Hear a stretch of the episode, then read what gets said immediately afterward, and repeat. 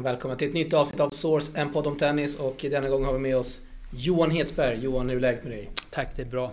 Det är alldeles utmärkt. Utifrån den situation vi är i nu med detta virus. Så för mig personligen så är det, så är det bra, förutom att jag såklart som alla andra är orolig för samhället och nära och sånt där. Det är väldigt speciella tider, eh, minst sagt. Hur eh, ser vardagen ut för, för dig och liksom kommande veckor? Hur mycket står du på banan? Och... Jag står mindre än vad jag stått i hela mitt liv tror jag. Och orsaken är den att eh, på grund av, jag jobbar ju på Good to Great och vi har mycket utländska spelare och de får inte komma hit. Så att vi, jag är faktiskt korttidspermitterad. Okej. Okay. Så jag ska jobba 40% på banan. Hur känns det för dig? Det, det... Nej, men det känns ju inget bra. det gör det ju inte. Men ehm, som med allt här i livet så måste man ju försöka man måste försöka nyttja, ta vara på de olika situationer som uppkommer. Men eh, det är klart, jag hade ju hellre stått, stått mer. Det hade jag. Jag vet hur mycket du brinner för ditt yrke. Eh, innan vi går vidare på faktarutan, vad gör du? Sa 40% där, vad gör du tiden? under tiden du inte står på banan? Eh, nu så gör jag som så att jag försöker läsa lite grann, försöker träna lite grann själv, men det gör jag ju normalt sett också. Ge Josefin, min sambo, försöka... Jag, jag är ju mer med henne än, äh, än vad jag är om jag jobbar heltid. Så. Positivt. Jag har sett aspekten. SVT Play finns det något som heter. Det visste jag inte, eller får säga det, det visste jag, men jag, jag har nyttjat den lite grann nu. Alltså, så att. Ja, kul. Eh, vi kör faktarutan direkt här. Fullständigt namn? Fullständigt namn, Johan Hedsberg. Bor? Eh, Mörby centrum. Ålder? 51. Intressen utanför tennis? Ja, jag, jag, vet, jag, vet, inte om jag har några helt ärligt. Alltså, det beror på vad man sätter in i det. Um, ja, men, alltså jag tycker ju om liksom hälsa och pff, jag tycker om att läsa och så vidare. Men de är ju som fnutt, futtiga. Jag tänker att intresse, det är ju sådana här du vet som spelar golf eller, eller något sånt. Och där, är jag, där, är jag, där är jag smal alltså. Det beror på vad beror det på? Ja, det tror jag bestod, Jag tror till stor del att jag är väldigt... Jag älskar mitt jobb och jag älskar det här. Så att, att det, jag tror att jag har fyllt min, min tid med det. Om du skulle fått göra om din tränarresa, vad hade du då gjort annorlunda? Ja, det är fantastiskt bra eh, fråga. Den, den, eh, den är ju en sån här fråga som... Den är ju skitbra, för du hör ju vad jag, vad jag vacklar kring den. För ja. Jag tror man ska ställa sig den här frågan då och då, med jämna mellanrum. Men kanske jag skulle ha... Kanske jag skulle ha vilat lite mellan, mellan eh, allting. Jag kanske skulle andats lite mer ibland. Det hade jag nog rått mig själv till. Alltså, alltså mer är inte alltid bättre. Men med det sagt så, så, är det ju också så att du måste ju du måste jobba jävligt mycket för att du ska kunna förkovra dig, för att du ska kunna liksom lära dig någonting. Men jag kunde andas några gånger. Jag kommer ihåg när jag, när jag var med eh, Johanna Larsson när hon skulle slå igenom som proffs. Så gjorde hon hela sin baksida lår. Och var, var skadad. Eh, jag minns inte hur länge det var. Var det tre eller sex månader? Det var länge i alla fall. Och då, där hade jag kunnat kanske andats och tagit det lugnt ett tag. Men istället så, så erbjöd jag mig att åka på lag-EM 12 fanns det då. Med bland annat Rebecca Petersson. Ja, kul. Så att nu så här efteråt kan man ju säga att det kanske var kul då. Och, och det var det ju. Men kanske man skulle ha jobbat lite med återhämtning mellan varven. Lite mer. Ehm, möjligtvis alltså. Har du känt att det har varit nära att liksom brista? Att det har blivit för mycket du har nästan gått in i väggen? Ja, det tror jag. Alltså jag, jag, man, jag är väl som alla andra, det gäller väl inte att prata om, om sånt egentligen, men man, jag tycker man ska vara ärlig också. Att absolut, jag tror jag har en omåttlig personlighet som, som, eh, som liksom verkligen, när jag går in för det så, så, så jag genar inte i hörnen. Jag tar ut svängarna alltså, ordentligt. Så, att, eh, så att det har jag definitivt. Alltså. Tränare, mentor som betytt eh, mest för dig? Och det finns så många som har gjort så mycket så att man vill inte missa dem heller. Men det, det ska, vi, det ska vara klart för oss att eh, människor är överlag väldigt snälla. Människor är väldigt duktiga på att ge av sig själv. Så, men... Poff, alltså Magnus Norman har ju varit eh, super mot mig. Eh, Jocke Nyström när jag var ung. Eh, Lasse Eriksson som var Kent Karlssons tränare också, som jag träffade så sent som idag. Eh, Kenneth Bergbom när jag jobbade, flyttade till Stockholm och jobbade i Näsby Park. Det finns, eh, det finns flera sådana här som, som liksom har varit... Kanske inte... Eller sa du förebild? Här är sådana som jag pratar som har hjälpt mig mycket. Ja, det kan vara... Absolut. Sen har jag några, någon utanför som också har hjälpt mig, som du vet, de här stora frågorna om liv, livet och ledarskap och sådana här saker. Alltså. Um, men det här är väl mer sådana som har hjälpt mig. Sen har jag ju tittat när det gäller, när det gäller liksom lite förebild för mig. Där har jag ju valt att inte ha sådana som, som Magnus, som herregud, han har varit nummer två i, i, ehm, i världen och jag var ju knappt nummer två liksom i, i Västerbotten. Så, att, så där, där har jag ju mer haft de här killarna som, eh, som inte har haft en spelarkarriär, där, som ändå har gjort ett bra tränarjobb. Alltså. Eh, svensk tennis största utmaning enligt dig? Svensk tennis största utmaning enligt mig, det är att eh, det första jag skulle vilja säga är att tänka mer och tycka mindre. Det är klart mer ansträngande att hålla på att, eh, att tänka själv än att hålla på att tycka. För att tycka är att bara reagera på en situation. Så den är en, det är en jädra utmaning. Och nummer två som gör det ännu mer konkret, i min värld i alla fall, det är att jag tror, där vi ligger just nu med de, den kategorin spelare vi har, ja. så vi måste försöka få fler development coaches och kanske rikta in oss just nu lite mindre på tour coaches. Vi har inte en uppsjö av arbetstillfällen för tourcoacher just nu. Men vi har en uppsjö av arbetstillfällen för development coaches. Mer, uh, lite mer expertis uh, klubbarna kanske? Är det det du säger? Ja, Grunden? Ja, grund. Det är det. Om det så ska ske här. Det är inte bara klubbarna. Det är på, det är på Good to Great nu. Hur många, vi har inte många topp 100 spelare på Good to Great. Vi har Nej. inte många topp 200 spelare. Och här tror jag liksom... Det, här tror, alltså jag, jag, det är fantastiskt att vi alltid tittar och det, det ligger i sakens natur att vi tittar på, på sådana här coacher som har, som har jobbat med de här världsspelarna. Det, definitivt. Men vi måste ju också ha det här som gör det här utvecklingsjobbet. Det är ju en annan typ av arbete. Och jag, jag skulle verkligen, verkligen vilja att det fick en högre status och ett större liksom... Att man tog det på allvar ännu mer. Då tror jag att vi skulle kunna liksom ha, en, ha en bas. Vi är för litet land, det har vi sagt många gånger förut. Vi är för litet land för att ja. liksom... Vi ska inte sumpa någonting. Vi måste vara smartare än alla andra. Vi måste jobba hårt. Det fattar jag också. Men vi måste också försöka vara smarta med det vi har. Alltså.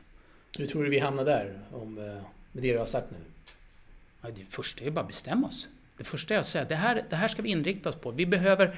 Det, vi behöver, vi behöver sådana. Vi måste hjälpa till.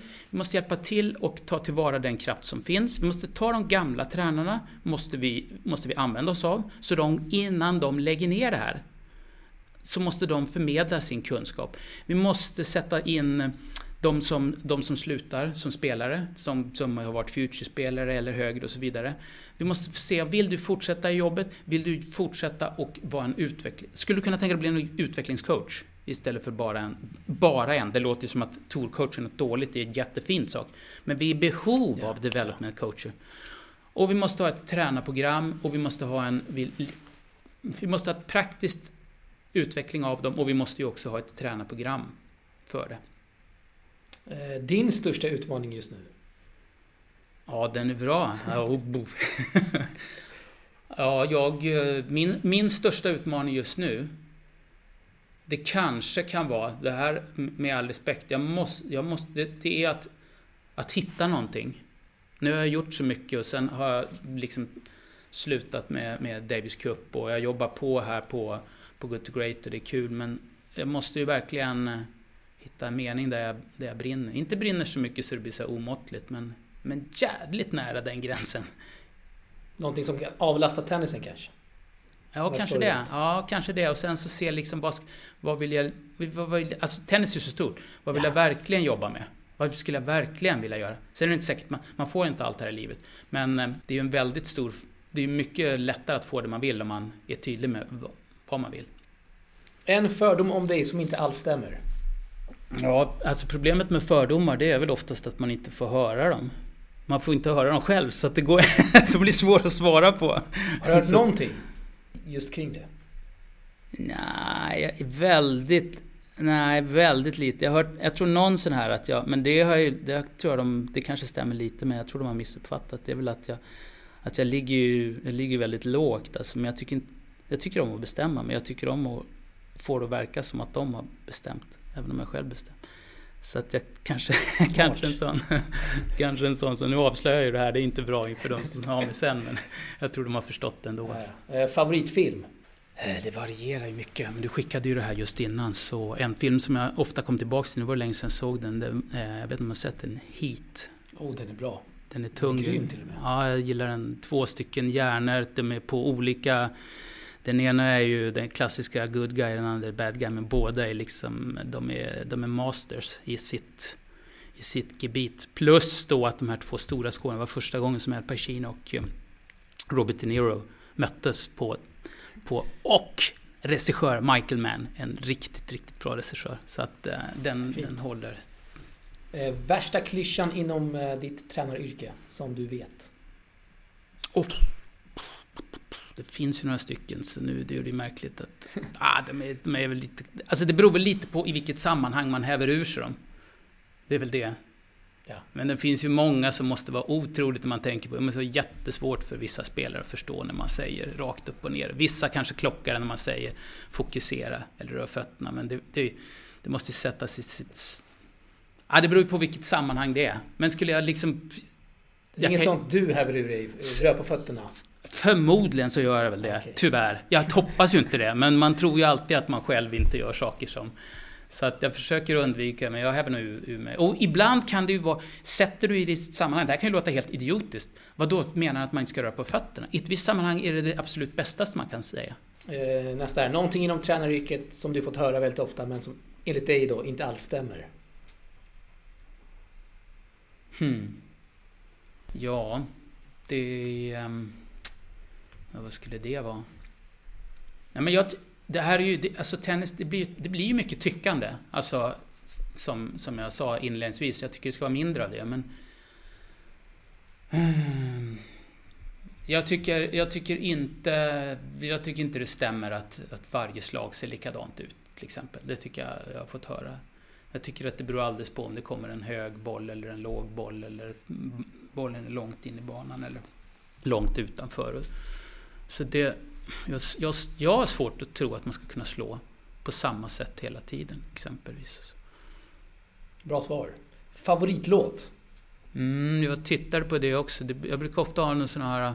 Men vad är det enklaste svaret här? Ja, men det måste ju vara att titta på sin Spotify-lista. Och därför så gjorde jag faktiskt det nu innan. Och det är en låt som heter Senja. Men den kanske jag inte alls har om vi skulle träffas om ett halvår. Förmodligen inte. Bästa spelare en adept till dig spelat mot? Puff. Puff. Johanna har jag ju... Ehm, hon, hon mötte ju några riktigt bra under sin karriär men, men det var inte... Hon, hon var ju så att säga inte min spel. Alltså då hade vi ju inte... Då jobbade inte vi ihop alltså. Ehm, så det kanske inte är svar, men hon har ju mött såna här. Hon har ju mött Serena, hon har ju mött Lina, hon har ju mött de här värstingarna. Men då satt ju inte jag på då satt ju inte jag där på, på, liksom på läktaren och, och var hennes coach. Så. Men det är ändå kul att se när du har haft en sån spelare att oj, nu går hon mot Lina. Som, och Lina vet jag att hon slog där i, jag tror det var Miami också. Så att, du hade Mikael också där, var det mot Sverige va? Stockholm Open? Ja. Då satt du på Ja, det gjorde jag. Och Verdasco. Verdasco, just det. En otrolig match. Den är, ja, det, är en jätte, det var en jätte, jättebra match av honom. Det var, det var en njutning att se hur han hur han spelade det där. Om vi går in på lite nördigt, var det några detaljer där i den matchen som du kan ja, dela, av, dela av med dig? Dela av med oh, här. kan jag avslöja det här alltså? Um, man, vi översätter inte. Så. Nej. nej, men ens ego må ens, det, är, det är inget fint att vara ego, men det är klart det känns ju... Det får man vara. Det känns väldigt så här... Det känns ju väldigt tillfredsställande när han spelar... När han spelar, när man ser att wow, det här har vi faktiskt tränat på. Så att, eh, jag tyckte att han höll sig i försvaret, där höll han sig väldigt nära linjerna. Och sen så vad han gjorde, en sak som jag tyckte han gjorde superbra, det är ju, det är ju återigen, det är ju Micke som utför det, så att det är han som är stjärnan. Eh, han la över spelet på... Han hade en otrolig känsla tycker jag där för att veta, först då försvaret men också otrolig känsla för att veta när det är dags att eh, lägga över bollarna på Verdascos fåren och när det är dags att sluta. För när Verdascos fåren är på, då är den fruktansvärt bra. Men när den är dålig, är den dålig. Och det var en sak som han hade liksom psyket. Eh, det är en sak att veta om det och en sak att utföra det. Och på sin hemmaplan också. Det är jäkligt intressant. Och det gjorde han eh, nästan till prickfritt skulle du säga? Eller? Han, gjorde, han gjorde det väldigt bra. Han gjorde det väldigt bra. Så det var ju, han vinner, vad är det, 2-1 eller något sånt där. Han är junior då tror jag. Eh, bästa match din adept spelat? Det kanske är den? Eller? Det, den är ju en av dem. Det, det, är en av dem. Det är definitivt så. Men, men vi ska sätta allt i vårt sammanhang också. För om vi då tar, tar Mikael, han har ju också gjort sådana här matcher som hur han avgör mot Ukraina. Alltså, det är inte lätt. Det är Nej. femte avgörande match. Han möter en kille som är en av de mest framgångsrika på Future-touren på bortaplan där. Nu ska han bara stänga den här. Det, inte, det finns inga bara där. Hur väger man den matchen mot att han är...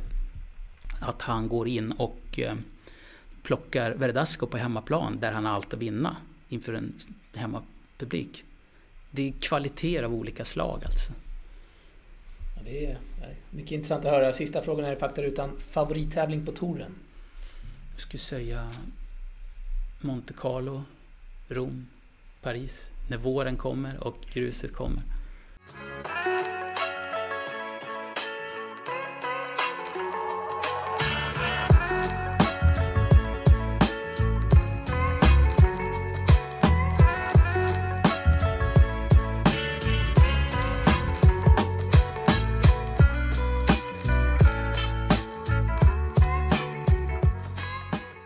Vi går vidare. Jag tänkte att vi ska gå in lite djupare på din, eh, din resa, ditt tränaryrke. Uh, först och främst då, hur kom det sig att det blev uh, just tennis då? För din del? Ja, jag tror det var en kombo av... Min pappa gillade tennis väldigt mycket. Så han, och han, han, liksom, han spelade tennis på så här lördagmorgnar eller vad det var. Jag fick hänga med när jag var liten plutt.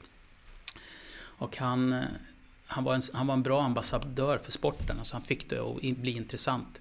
Samma veva så var ju den här borgeran och sen så kommer, eh, kommer så då, det var ju hett, tennis var ju jävligt hett i Sverige på den tiden. Så bodde jag i Skellefteå och Jocke Nyström kom ut där tillsammans med Mats Wilander och så. Så, så det var, tennisen var, den var ju superhet på den här tiden alltså.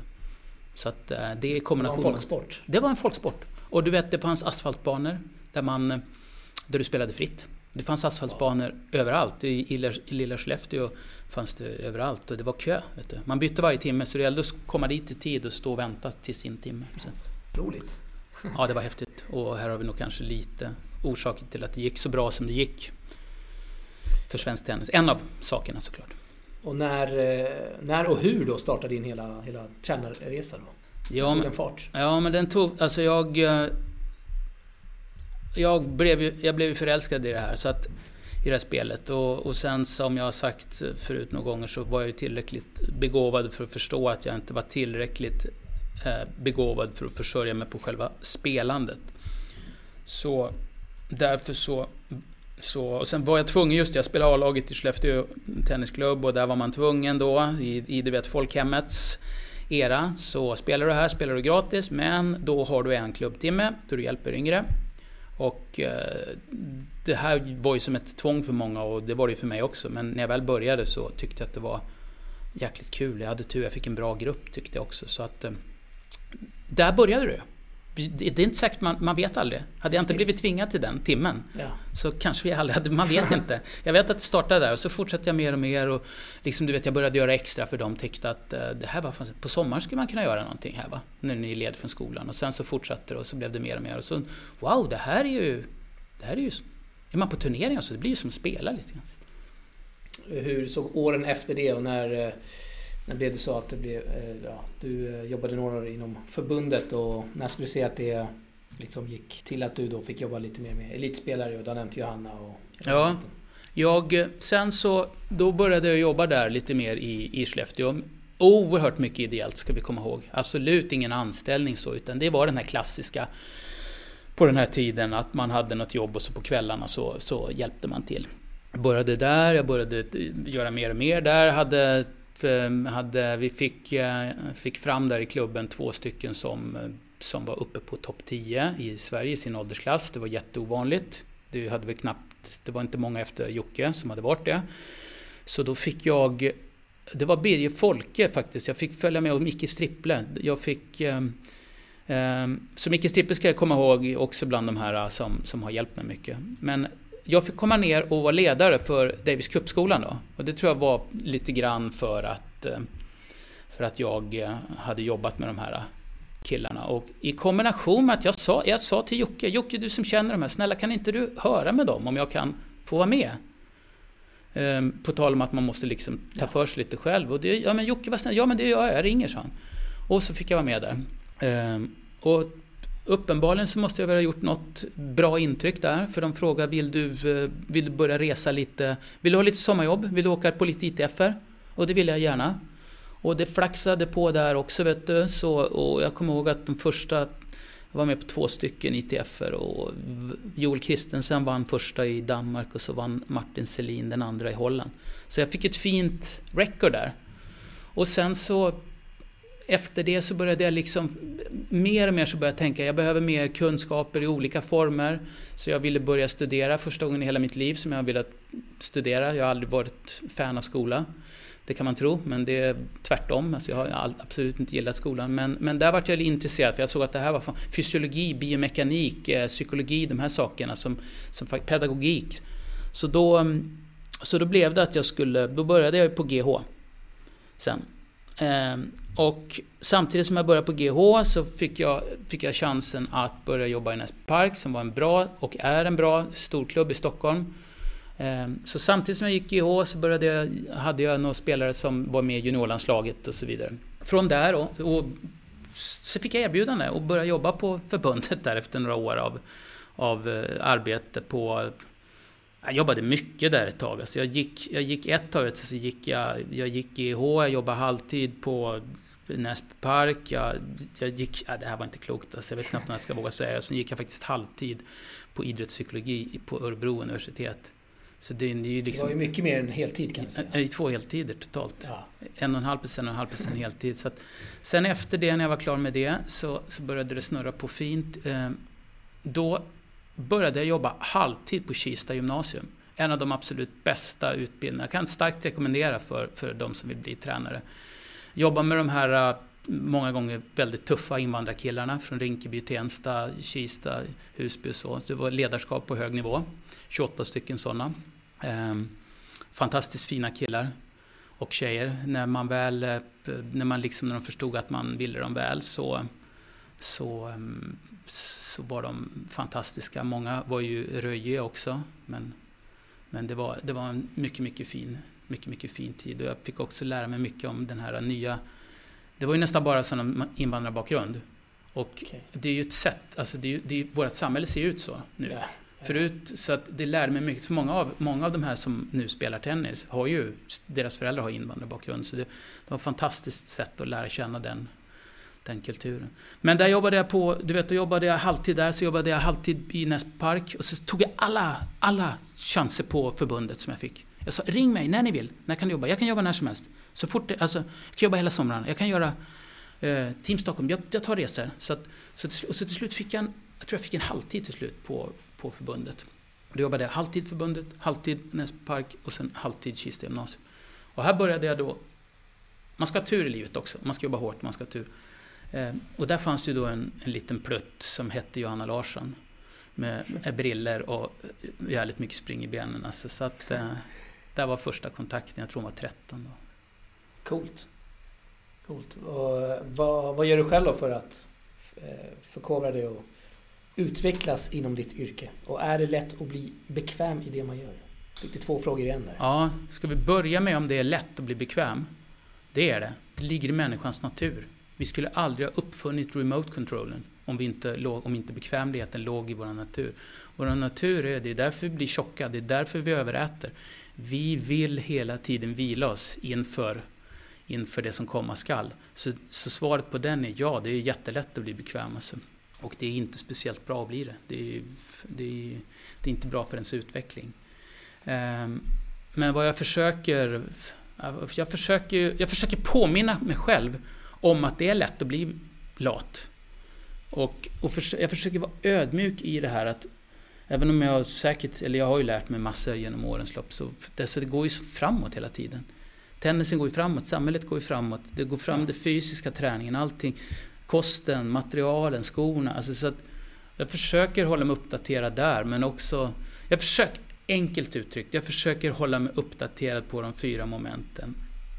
Mentalt, det är ju inklusive ledarskap, fysik, eh, taktik och eh, teknik. Det är ju rubrikerna med allt. Så jag försöker hålla mig uppdaterad inom det där. Och, och, sen, och ibland är ju less more. Alltså ibland kan det ju vara så att det finns ju en återhämtning i de här sakerna. Den tycker jag inte har varit världsmästare i. Men, men, eh. Varför inte då? Nej men jag tror att jag... Det blir för mycket. Ja, jag tror, ja. Att jag, jag tror att jag har haft... Jag kommer från en generation, du vet min generation, och jag är från Skellefteå, och det är arbetarbakgrund där alltså. Att vara lat är inget bra alltså. Det, där ska det jobbas.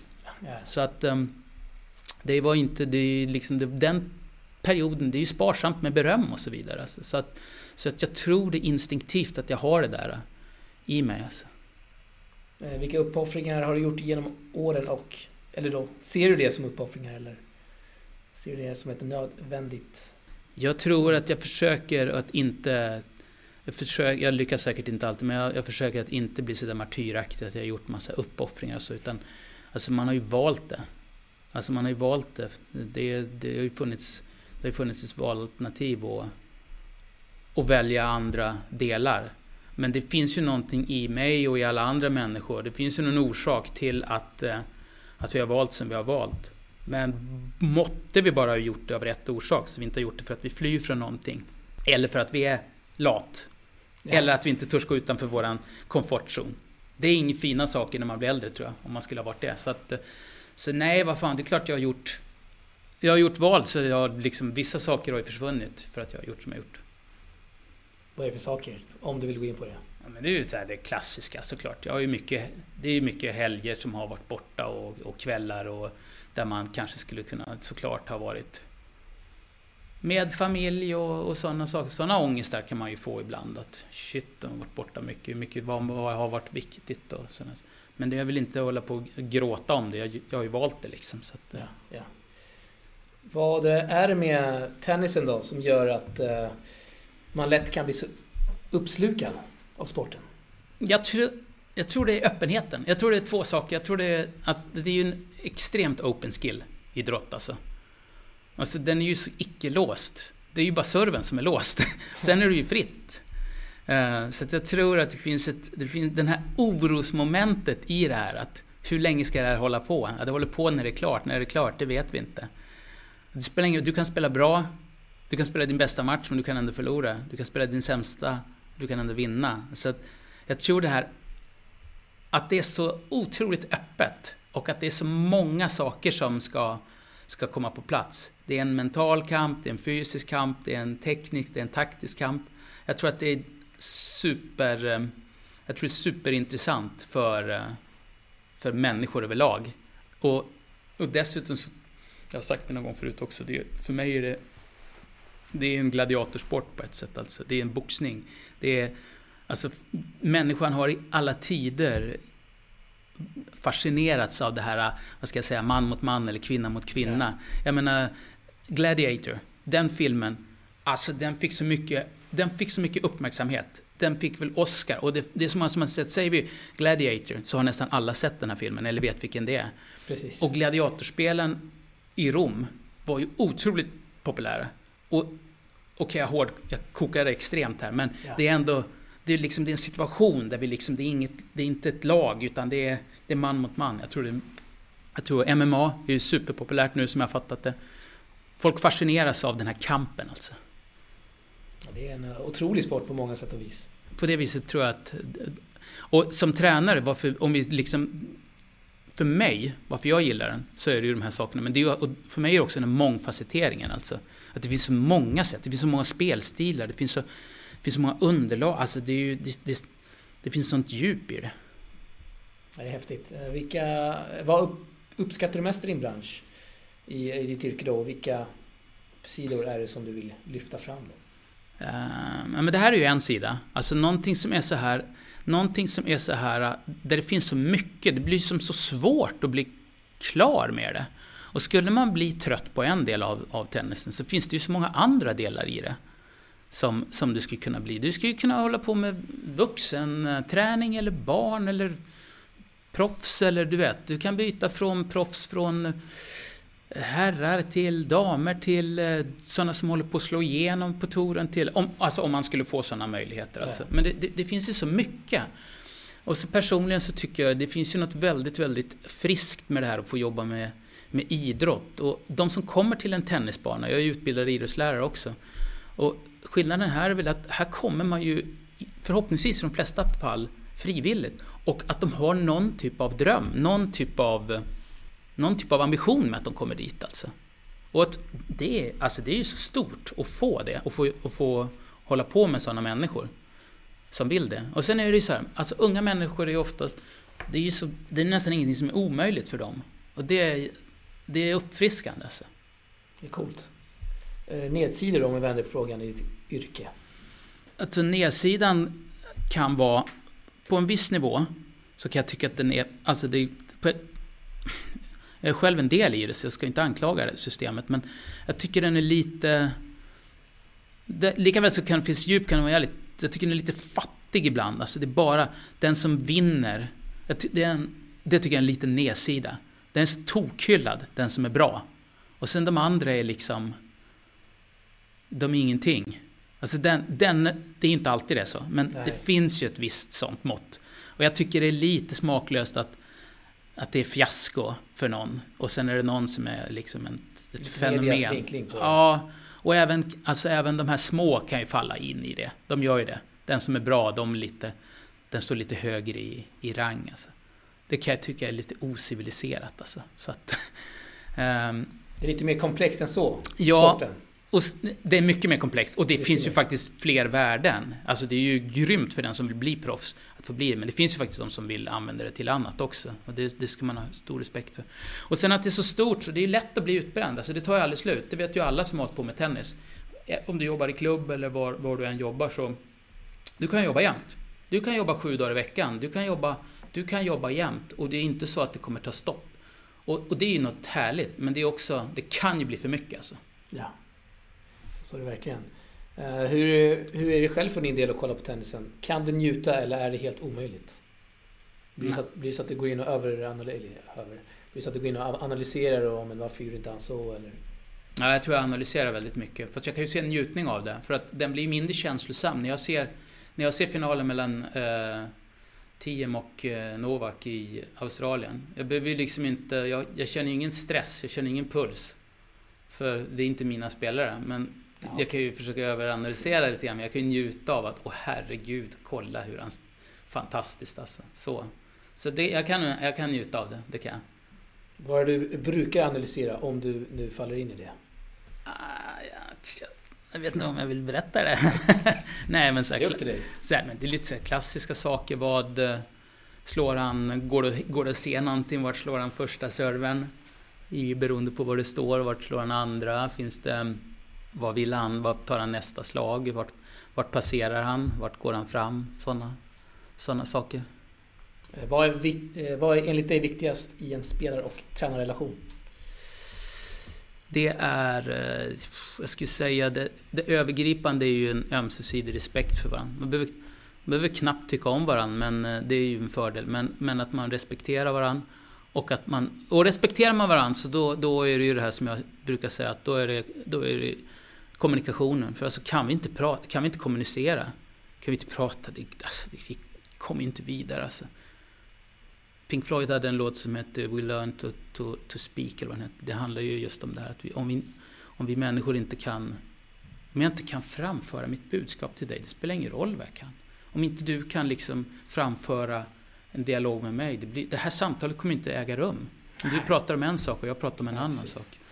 Så respekt och kommunikation, det är som fundament för att sen gå vidare mot kunskap, energi, kunskap och så vidare. Har, vi har pratat lite om det tidigare, du har haft Mikael Ymer och Johanna Larsson i väldigt unga åldrar. Eh, Elias Ymer också för den delen. Eh, och nu fått se de här spelarna ta steget in på ATP och VTA-touren. Eh, vad, känner, eh, vad känner du då som tränare när du ser de här spelarna klara av de här tuffa stegen längst på vägen? Ja, jag ser ju en, det är en otrolig tillfredsställelse och glädje alltså. Det är det. Just när man är inne i det är man i alla fall, eller man och man, jag, man är ganska, blir ganska utmattad alltså på ett positivt sätt. Det blir med stor närvaro i nuet alltså. Så just då vet jag inte hur mycket jag njutit av det. Men, men nej, det är, det är grymt. Det är ju liksom hela min... Om jag, fick, om jag fick drömma som ung så var det ju det här jag drömde om. Inte att få... Det var så jag ville ha det. Jag ville liksom genom alla steg få... Jag tyckte, den, jag tyckte det lät så otroligt häftigt. Ja, alltså det är, jag tror det är grymt att vara med en topp 100-spelare också. Fast um, jag gillar stegen. Alltså just det att de är så små så blir de stora och sen så... De blir inte bara stora fysiskt, de blir stora mentalt, de blir stora som tennisspelare. Det, ah, jösses, det vet jag inte om man hade kunna fatta. Och sen när Johanna blev topp 100 så bara... Jag vet att jag tänkte då bara att, ja, att det vore så... Alltså, det skulle vara så kul om det var en kille som blev topp 100 också. Och så nu, nu är Micke topp 100. Det, ja, jag ju, och sen är jag superglad att båda de två, och så, även Elias, de har ju varit så tydliga hela tiden att de vill, det sa de ju så tidigt, ehm, de vill ju bli proffs. De fick bli det. Det är ju, det känns som jag, ja det, det är de som har gjort jobbet men jag, är, jag hoppas att jag har hjälpt några procent och jag har verkligen, verkligen försökt. Så det, det känns som, de känns som mina barn alltså, i någon form. Du känner en stolthet låter det som? Eller väldigt mycket kanske? Ja, det gör jag nog. Fast inte så mycket att jag har gjort så mycket. Jag är inte som, alltså jag känner, jag är lite sån här som person. Det sa jag att man, jag tycker inte om att förhäva mig själv alltså. Men, ja, men jag är jättestolt över vad de har gjort och att jag har fått vara en del av det. Jag blir nästan, vet, nästan rörd när vi pratar om det. Hur, eh, antar att du eh, såg mycket av Australian Open senast. Eh, Mickes genombrott där. Får man väl ändå säga. Ja. Var, just då när han spelade live, var, blir man rörd själv eller vad, hur går tankarna? Eller hur gick tankarna för dig? Kan du minnas det? Ja, lite. Alltså, det blir så mycket, du, det vet så mycket. Jag var här på, på akademin så tittade jag lite. Jag hade ju träningar som vanligt. Eh, livet går vidare. Men när jag var klar med det så gick jag och tittade bland alla de andra. Det är så mycket folk där då som pratar och så. så. Det, känns väldigt, det känns väldigt långt bort då. Då känns det nästan som om... Då känns det som att, att det var hundra år sedan. Som, som vi, men däremot när jag ser han spela och så. Han utvecklas ju hela tiden och förbättrar saker. Men jag ser ju ändå, jag ser ju ändå sådana här naturliga eh, saker som jag faktiskt undrar om Kachanov kunde se alltså från början. I och med att han inte hade spelat mot... Det var första gången tror jag de spelade. Just, just. Uh, vi såg in på lite, lite på samma ämne då. Hur kan man med yngre spelare träna på spelförståelse och olika mönster? Och bör det finnas en viss spelförståelse också innan man kan gå in på det? Om, om, ta frågan igen. Om man kan... Hur mycket kan man med yngre spelare träna på spelförståelse och olika mönster? Och bör det då också finnas en viss spelförståelse då från spelarna själva innan man kan gå in på det området? Eh, ja, det kan man. Man inte, man inte bara kan. Man, i min, enligt mig så ska man göra det. Eh, och det behövs ingen ah, spelförståelse för men, Eller det, det, är klart det behövs, men det är ungefär som att göra en fysträning. Det är som att säga, tänker jag, att kan man, eh, kan man göra fysträning innan någon har någon fys? Ja, det kan man, men det blir på väldigt låg nivå. Och man kanske får säga åt dem, hörru du, du får gå ut och springa tre gånger i veckan före. Du får göra 80 armhävningar varje dag, så vi har någonting att gå på innan. Och det är samma här, ni får spela lite själv också.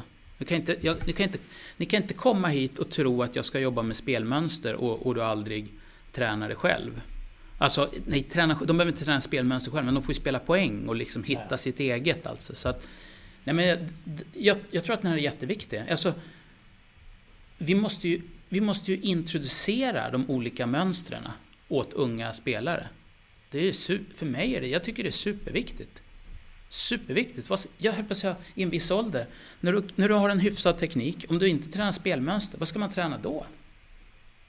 Jag, jag fattar inte. I min bok fattar jag inte. Utan det, här tror jag det finns, här menar jag att det finns ett utrymme för, det är ju det här som eh, sådana här utvecklingscoacher ska jobba med.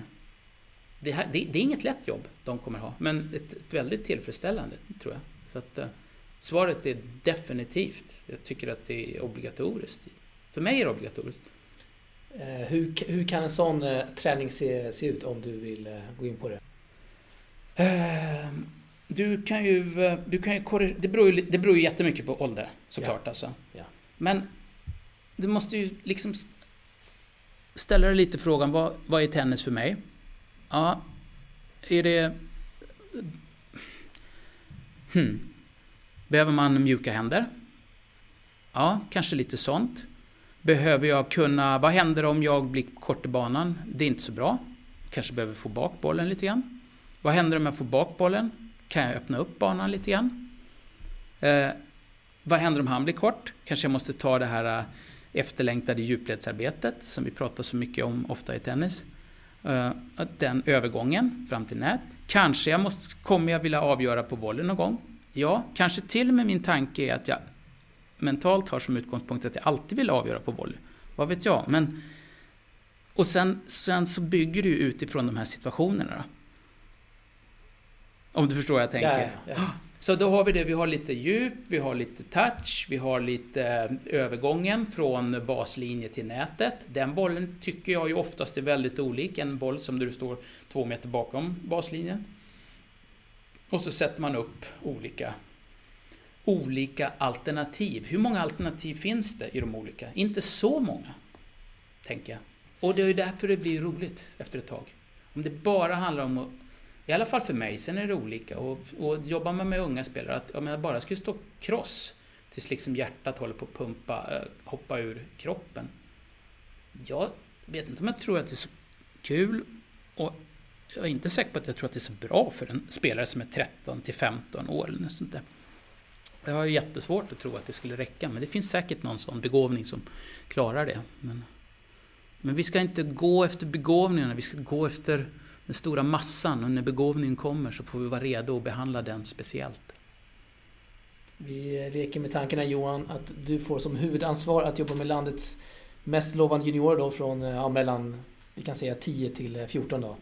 Du får alla resurser av förbundet som du behöver. Hur skulle det perfekta upplägget för dig se ut? Oh, jag har inte fått frågan. Så jag... det här kom idag, förlåt. okay. eh, vi kör den som en anonym här. Eh, det är från en tränare. Okay. Han sa, ställ den här frågan till Johan, för han ville väldigt ah. gärna höra. Från 10 till 14? Ja. Då skulle jag, tror jag, spontant, så skulle jag... Eh, jag skulle försöka säkerställa eh, tekniken skulle jobba jätte... Jag skulle jobba jättemycket med den. Utifrån åldern. För du vet 10 till upp till säg 13. Då, då, har du, då kan du nog ta steg för steg. Inte, stoppa, inte göra allting på en gång utan... Jag ska försöka rena av det här nu så det inte blir så jäkla eh, omständigt. Utan jag skulle sätta stor, stor volym på teknikträningen. Upp till 13. Självklart matcher, det är alltid matcher. Men jag skulle fortfarande prioritera. Jag skulle prioritera en god teknik. Och så skulle jag försöka hålla tungan rätt i mun så jag inte håller på att pressa sönder den här personen. Utan att jag, för, jag skulle försöka pedagogiskt få det lustfyllt. Jag skulle försöka sluta varje gång i tid så att när den säger några till. Ja men en dag, men du vi fortsätter imorgon. Så att man fick en, så att man fick en, en hunger, en iver.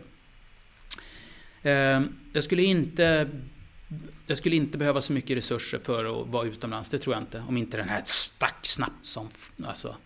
Eh, och sen så skulle jag vilja från 13 års... Jag skulle i en perfekt värld skulle jag vilja att, all, att tekniken var jättebra, 13-12, och sen så skulle jag därefter börja hugga mig in på spelmönster. För du kan inte ha spel... Om du inte har teknik, då kommer till slut spelmönstren bli, bli drabbad. Bra, bara bra teknik och inte veta hur du ska slå vad, det blir fel väg. Alltså. Så teknik upp till 12-13 beroende hur fort det gick. Kanske jag skulle behöva hålla på ända till 14, förhoppningsvis inte. 13 eh, skulle jag ha spelmönstren. Det är bara den här klassiska som många har sett. Eh, finalen mellan, är det Nadal och Gasquet i Tarb när de är 14? Just det. De är, titta på dem, de är jättelika tekniskt ja. alltså. Så... Då har vi det perfekta upplägget. ja. Det är bra. Eh, jag kan ha missat eh, eh, anledningen här, och då ber jag om ursäkt för det, men anledningen till att inte bli förlängt kontrakt för dig som DC-kapten här, trots 7-1 i facit?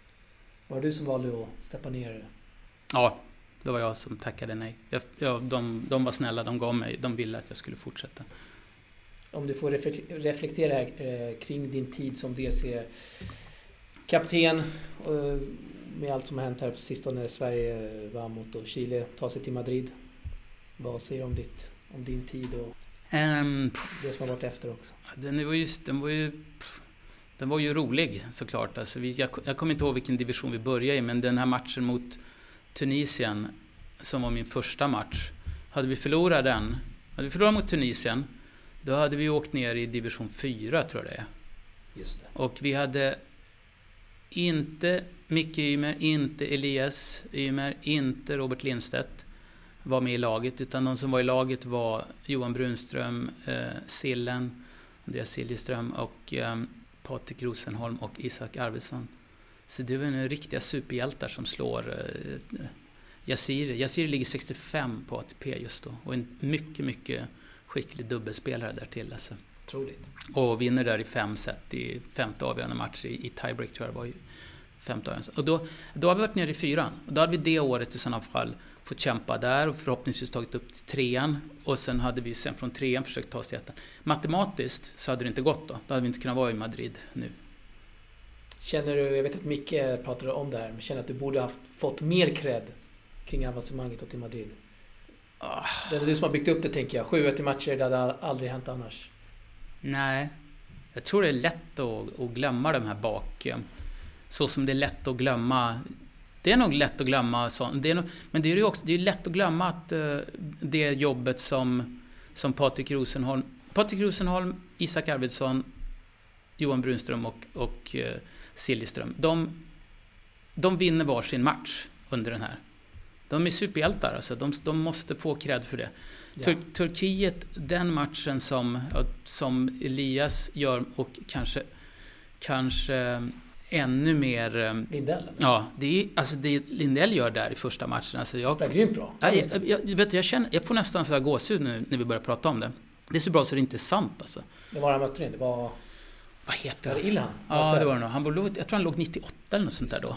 Han var bra som fasen och, och, och, han var så, Lindell var så övertygad. Det här, jag måste göra det här och det här. Och sen så, nej, det alltså, pff, grymt, grymt. Och det bara fortsätter. Hur många har vi inte gjort som... Sen har ju då, sen har ju Micke avgjort eh, några matcher helt otroligt och, och, och, och Robban och eh, Mackan i dubbel och, och Mackan eh, sist i singel mot Israel. Så att alla har gjort, har gjort det jävligt bra men det är många som har varit det är väldigt många som, jag tror det var 15 olika spelare som var med under mina tre år. I lilla Sverige. Så jag tror det ligger i sakens natur att vi, vi glömmer, tyvärr! Och jag tror inte det är en bra sak. Och nu Nej. pratar jag inte om mig, men jag tror, det, jag tror det är en väldigt bra sak att komma ihåg bakgrunden för, för alla inblandade. Så att, alltså jag blir väldigt snällt av Micke att komma ihåg, komma ihåg mig där. Alltså det, det, det, det rörde mig, det, det gjorde det utan tvekan. Vad känner du om din tid då som förbundskapten i, ja, generellt? Um, den var ju tre år, det är 7-1 i matcher. Um, 7-0 på normal höjd, höll jag på att säga. Nej, men mot Colombia var ju hög höjd, det var ju skitsvårt alltså. Vi kan gå in på den. Det är, var det en nästan till omöjlig uppgift med tanke på förutsättningarna? Hög höjd och trycklösa bollar och ja, jag de tycker är vana det. Och... Ja, jag tycker det.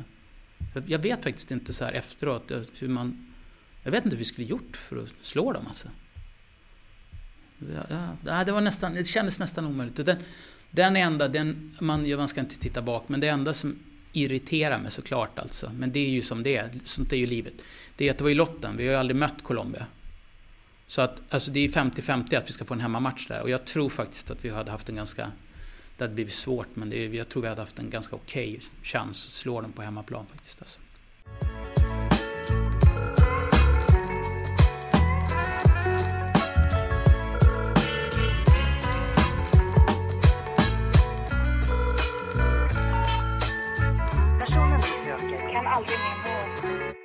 Vi tar några lyssnarfrågor här. Vi har klockat in på eh, 50, 50 minuter. Linus Eriksson, vad har du ändrat åsikt om senaste åren? Mm, vad bra fråga. Vet man sånt eller på att säga? Eller gör man det bara? Uh, antar att han menar tennis då? Ja, ja precis. Um, det är ju ett... Alltså... Pff. Nej, jag vet inte, men jag... Uh, alltså jag är fortfarande... Jag tror ju defensiven är jätteviktig, men jag tror också att man man måste kombinera det. Man måste, man måste hitta ett sätt att klara defensiven i en liten annorlunda position. eh, än, än tidigare. Jag tror man måste försöka penetrera slagen lite, lite mer kanske. Jag vet inte om jag ändrar mig det, men... Um, Tuff fråga. Skulle kanske vara det alltså. Men det där är sådana bra frågor att liksom fundera på när man, när man är mitt uppe i det på, och tränar. En som ser mig skulle ju... Det skulle varit kul att se någon som har sett mig. Tränar du? Varför gör du så här nu jämfört med två år sedan? Eh, reflektera lite kring för och nackdelar angående teamsatsningar. Um, det är väldigt kort så skulle man väl säga Fördelen med teamsatsningar skulle ju då vara att de är ju mer ekonomiskt gångbara. För du får ut mer av varje tränarresurs. Um, att hålla ihop och liksom ha någon att stötta sig med och alltid sparra mot och så. Det är ju också en, en, en klar fördel. Så det finns ju ett ekonomiskt och ett socialt, mentalt eh, ja även spelmässigt då, om vi håller samma nivå. Så nackdelen skulle väl vara då att många, eller en del i alla fall, är kanske inte riktiga teamgubbar som håller på med det de, de har valt en individuell idrott för att de är individualister. Och att du måste ju kompromissa i en grupp. Så är det ju. Och det här måste man ju, i det här, det måste man ju då, med det här sagt så måste man ju säga, du måste ju väga utifrån vad har jag för, vad, vad har jag för pengar på sig, vad är det för vad, vad är jag beredd att göra? Det kanske är lite bättre för mig att uh, vara ett team, även om jag vissa delar inte skulle vilja, på grund av ekonomi eller något annat. Alltså, så att, eh. eh, uh. Mattsson Bilder här har två, eller det är snarare ett påstående först. Uh, framtidsspelarna är snarare rörelse och variation än power. Ja, han frågar om jag, om jag tror det, ja, eller? precis, precis. Ja, men det, det är väl mycket som skulle kunna tyda på det, eftersom, eftersom det verkar ju gå lite grann i cykler. Alltså att det kommer en, en viss kategori spelare och så, så tar han det så jävla hårt upp till en viss nivå. Så att den enda som kan bryta igenom det här är någon som spelar på ett annorlunda sätt. Du vet, det här har vi sett förut. Jag vet Kalle Hageskog, DC-kapten förut, pratade om det här för, för länge sedan. Alltså att det kommer de här, går i olika cykler med Becker, Villander, Hewitt, eh, Goran Ivanisevic, alltså det, eh, Agassi, Sampras. Alltså, så det låter högst rimligt, för nu är ju powern högt uppe, så varför inte? Så då är det ju just, just här och nu, så tänker man ju ofta, det går inte. De har för mycket power, det går inte att variera sönder. Men spelarna är genin, vet du, de, här, de, som, de som gör det. De, de kommer hitta något sätt att bryta, bryta hål på det här. Underskruv eller överskruv frågar också Mattsson Willer. Överskruv. Överskruv med, eh, men om man nu vill ha variation så, så så eh, är den... Jag tror att den är ett viktigt slag. Jag tror att slice är ett, ett viktigt slag att få in, om inte varje dag så varje vecka. Jönköpings Tennisklubb frågar, vad är dina framtidsplaner? Jag vet faktiskt inte riktigt. Du är här i nuet. Ja, men eh, det här, jag har nästan aldrig varit i den här situationen. Jag har alltid varit väldigt eh, tydlig med vad jag har velat. Alltså, så att, eh, men, eh, men samtidigt, jag är här på, jag är på Good to Great här och eh, trivs, trivs bra. Jag är mycket på hemmaplan just nu. Nu är det av Corona, men jag var mycket på hemmaplan även innan det här bröt ut. Så. Jag vet inte om du har svarat på det, men vilka spelare jobbar du mest med här på GTG? Eh, just nu har det varit mest med eh, Gustav Ström och eh, Karl Friberg, men jag hjälper de här lite yngre också. Jag hjälper även de här andra Future-killarna lite grann, men jag försöker också hjälpa när vi har lite, lite läge med såna här yngre spelare så, så försöker jag hjälpa till där alltså. För det är något som jag också tycker är viktigt eftersom jag hade Johanna och Micke i yngre åldrar och tycker jag vill gärna de misstag jag har gjort och eventuella erfarenheter jag har lärt mig, jag vill gärna förmedla det innan det innan det är för sent. Eh, Svenska DC-bloggen frågar ditt starkaste minne som DC-kapten? Ja, några riktigt starka minnen är... Eh, du vet, varje match har haft sån enorm... Det är så mycket känslor inblandat där. Men, och jag, det, vi vann ju så mycket så det var så jädra roligt. Du vet, precis, det, det är olika faser. Det, man kommer ihåg vissa såna här, du vet, runt och denna, det, det råder, för mig råder det alltid en förtvivlan just innan. Hur får vi till det här?